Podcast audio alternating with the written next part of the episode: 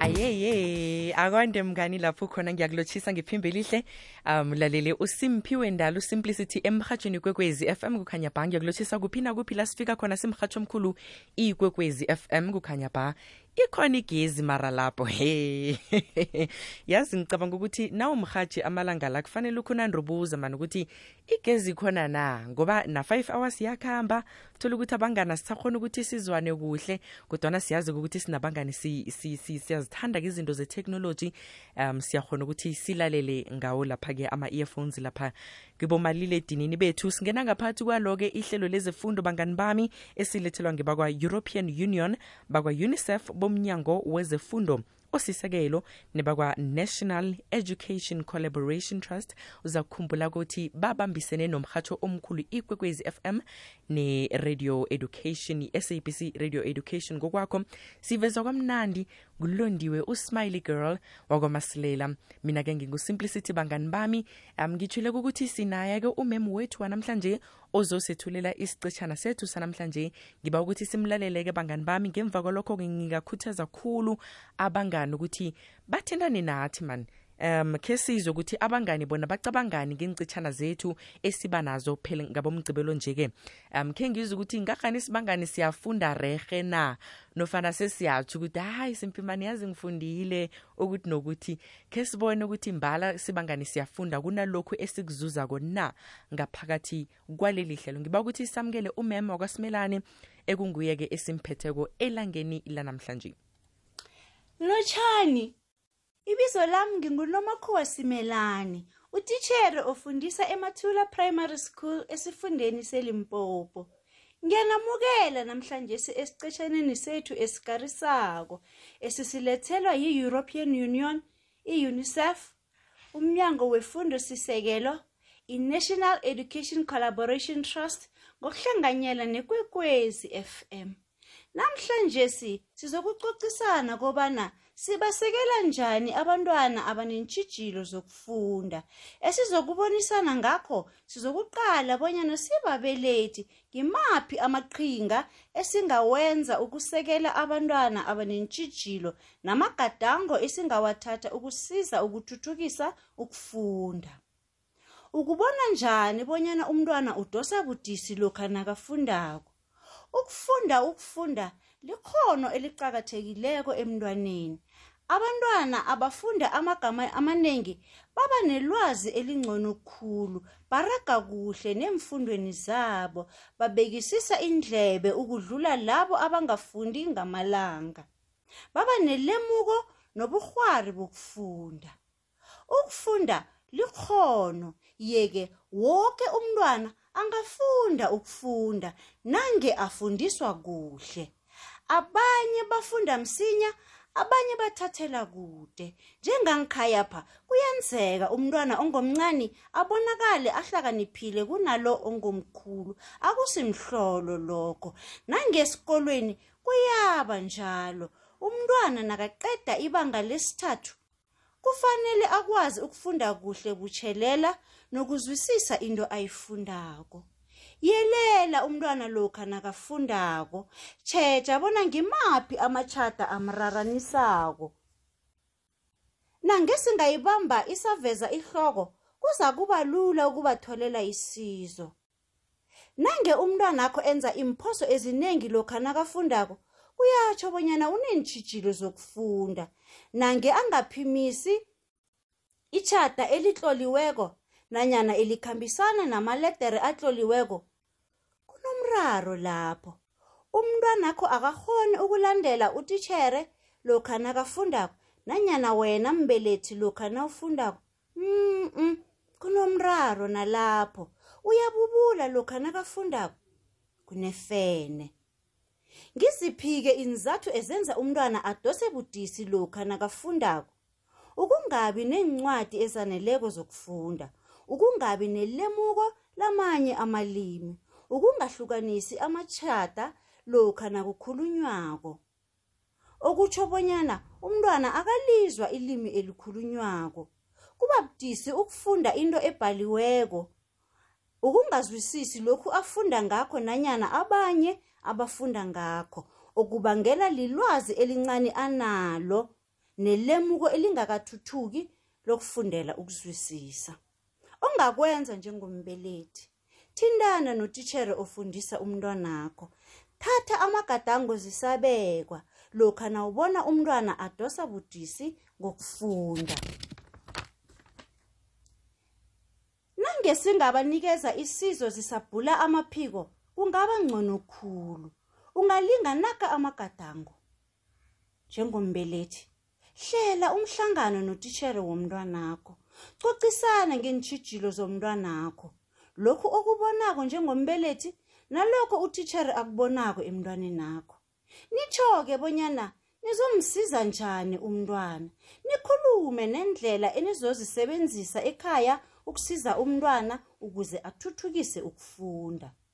Cocisana njalo notitshere ukubona ingarhani uyathuthuka nanyana umehluko uyaba khona na emntwaneni akho. Ungasabi ukufuna isizo beyisombululeke ikinga yokufunda ukufunda.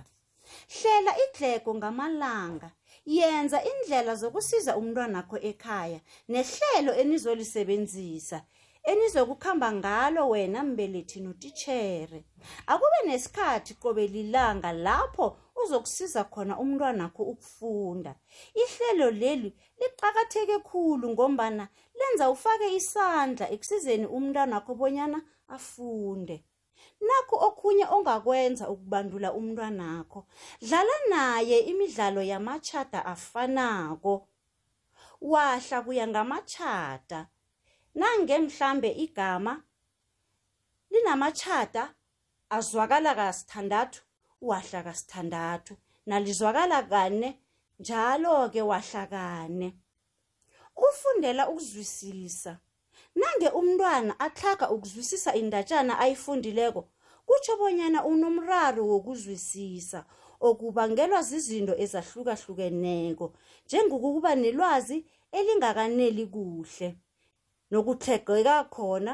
ukufunda kuhle ungasiza ukuthuthukisa ilwazi magama ngokudlala naye imidlalo yokukhomba khomba into atsho ibizo layo yenza mbawe enze ungatsho ukuthi hlala phasi bamba ihloko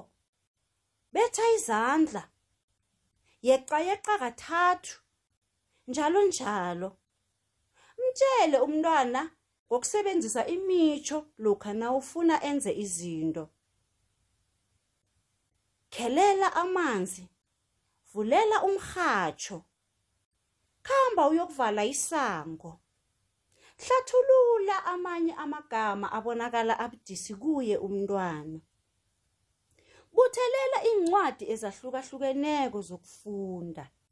Nasele nithoma nifunda, hlathululani iinhloko zeendatjana lezo enizozifunda, nizimadaniseke neenthombe.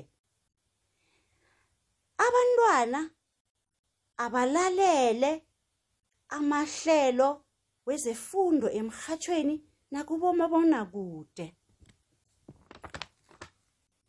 ungamsiza godu ngokumbawa afunde ngesidu nakaqedako mbawe afundele phezulu nange angaphumisi kuhle amagama mbawe abuyelele Msize afunde kuhle njenganyana nakakhulumako, akhombise ukuzwisisa amagama njengala angathi awa athi awa angathi lalelani athi lalelani ukungeza kilokhu Ukufunda kuhle nokwazi amagama, ukuwaphimisa ngefanelo nokwazi amagama amanengi kuthuthukisa ukufundela ukuzwisisa. Ngaphambi kokufunda indatjana, qalisisa elingaphandle lencwadi, funisela bonyana indatjana le imayelana nani. Sithini isihloko sendatjana? Emaphakathini nencwadi, Tjheja bona ziyakheka na iinthombengqondo emkhumbulweni womntwana. Nasele niqedile ukufunda indatjana, kufanele atjho bonyana indatjana le imayelana nani. Kwenzakala ini endatjaneni le?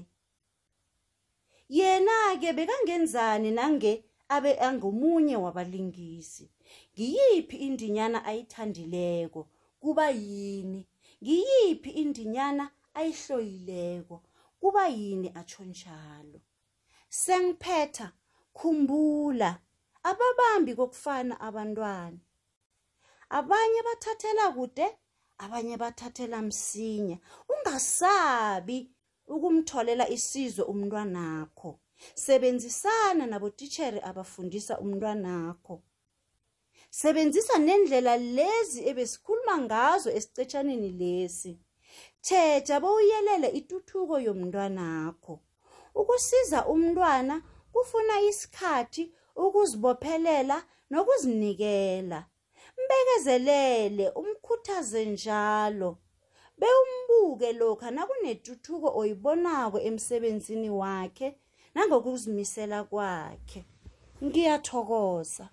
Siraga phambili siragela phambili ke bangani bami ngehlelo elimnandi ihlelo elithi State Your Mind izikhulumele esilethelwa ngebakwa-sabc radio education usakhamba kamnandi nosimplicity usimphiwe ndala ngitshileko ukuthi sikhona kufacebook at simphiwe ndala um karhadasi bese-ke sibe khona-ke nalapha kupage yomhatsho ethi, eh, ethi at ikwekwezi fm kukhanya ba um sikhona-ke ukhona-ke umem usinomakhwango kwasimelane sikhamba naye elangeni lanamhlanje khumbule ukuthi isicetshana ewuceda ukusithola njenganje mngani nguye-ke ogade asifundela sona ogade asethulela sona ngizwe ukuba ukuthi simamukele-ke njenganje emoyeni simlotshise bangani begodu sikhulumisane naye njengoba sikhulumisana ngokuthi ababelethi bona ngikuphi mhlambe ebangakufaka ebegodu ebangakusiza ukuthi abentwana babo bafunde ngcono sesinomakhuwa lotsha likunjani ngikhona kunjani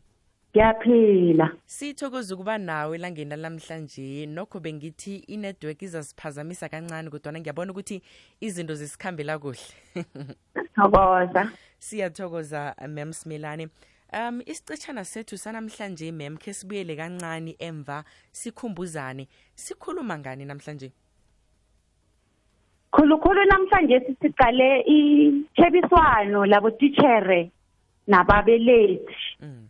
lokha umntwana nakaneentshijilo zokufunda ngoba kuyenzeka ukuthi kube budisi ebantwaneni abasemabangeni aphasi mhm. ukufunda amanye amachata manje ababelethi nange bangafaka isandla nabo emakhaya kungaba nomehluko ituthuko ingaba khona oh okay alright ngifuna ukuthi siyithome la ke mem yabo umntwana alo nakanekinga yokufunda nakanekinga yokuphimisa amachada kuhle um uthola ukuthi umntwana uyabhayiza lapho nalapho uyachapha lapho nalapho nimbona ngani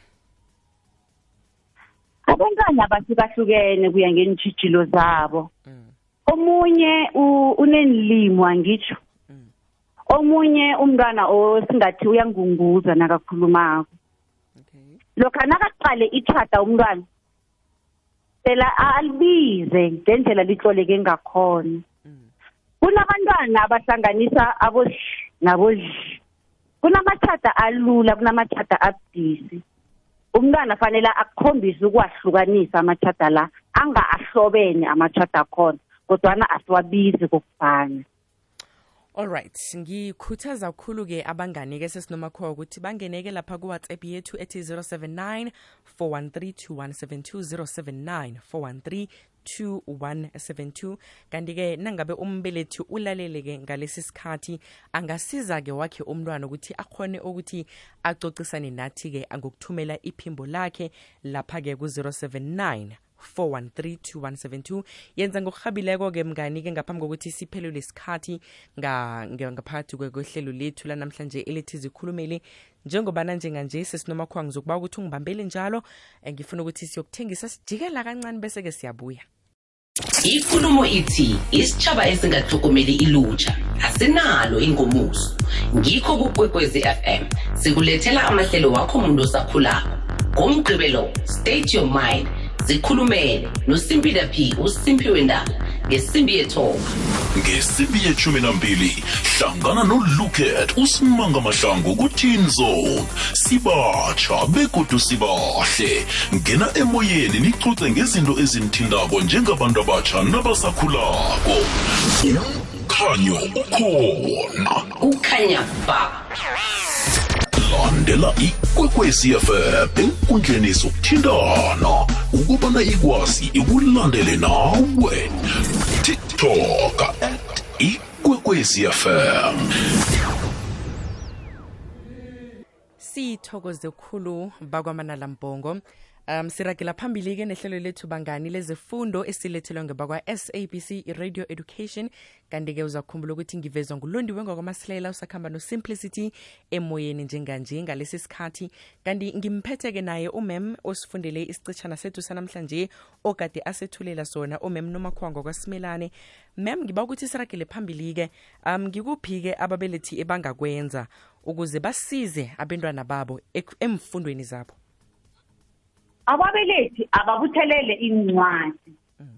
bangathi iincwadi zakade khe ngithi mhlawumbe zaka-grade one zaka-grade two bazithathe bazitshise abazibeke abantwana umntwana nakadosa nzima ebangeni lesithathu abuyele le naye emuva e-, ku-grade one uthathe lezo iincwadi bafunde bathage nanzo amatshaga la umntwana aze awakhone mm. yeke angamdinrelela ni aye naye kabuthaka amfundise njengamatshada amabili and then nasele awakhona amatshada amabili athuthuke naye-ke kuyibe kula amathathu njalo njalo ngakamane uzagcina afikile umntwana mara thome njengaboma nabona nabosa umntwana akhona ukubabona akwazi ukubafunda ababelethi kulu indima abangayidlala bangaliseleli abotitshere babodwa nabo bafake isandla umntwana kuyamkhuthaza ukuthi awa nekhaya bayafuna bonyana ngazi ukufunda mm.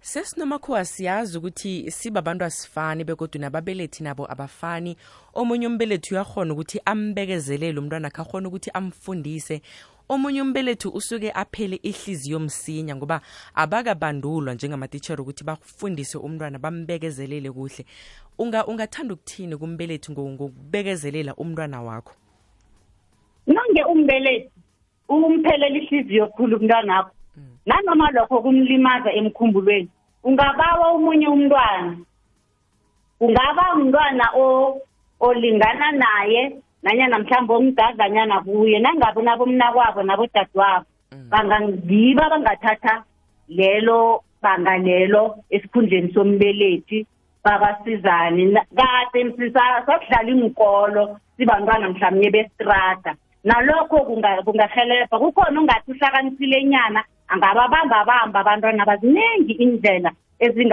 ezingenziwa ukuthuthukisa ukufunda nangabe umbelethi uyazibona ukuthi umntwana lo awa mani noma ngikhulumako mhlawumbe uyangidelela kuyenzeka lokho lokhu umna uthi uyamfundisa umntwana athi hawa utitshere khe ngathi so wena mama ufundisi so wena khari a-a abasifundisi so esikolweni nanyana baba mm wena ukwazi ukubhala wena ukwazi ukufunda banjalo iye abantwana basemabangeni aphasi mm. kodwana nanje mhlawumbe bona babodwa babantwana nabo bayakhona ukufinyelela ekuthenini bafundisane ubone kunomehluko kuliqiniso elipheleleko lelo sibentwana siyakhona ukuthi sifundisane begodu um sizwisisane ngendlela umbelethi engeza akhona ukuthi yena angi-explainele angi izinto ngakhona sithokoza mm. khulu sesinomakhuwa alo-ke umbelethi nakabonako ukuthi umntwana wakhe unekinga begodu ufuna ukumtholela iincwadi angamfundela zona ufuna ukumsiza angathoma njani begodu angakwenza njani koke lokho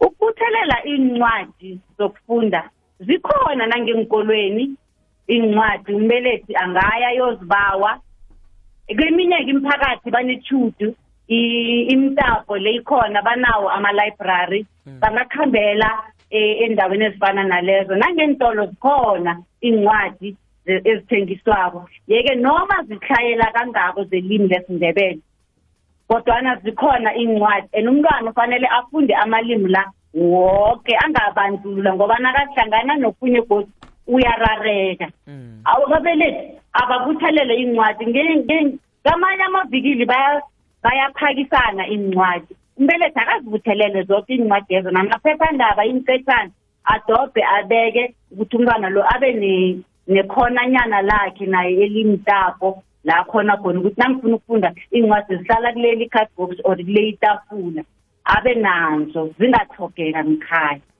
sesinomakhowa sithokoze khulu ukuba nawe namhlanje sebe kusikhathi sokuthi siye ngendabeni ngithemba ukuthi uzokuba rehe lapho khona ngitsho thokoze kangangani sithokoze khulu ukhona-ke usindane ngendaba zephasi ngezaka-10 o'clock bese-ke abe khona-ke udj mpumi ichipi yemrhatshweni omkhulu ikwekwezi f m uzokulethela i-top 20 yomrhatsho omkhulu ikwekwezi f m mina nawe mnganami sizokubonana iveke izako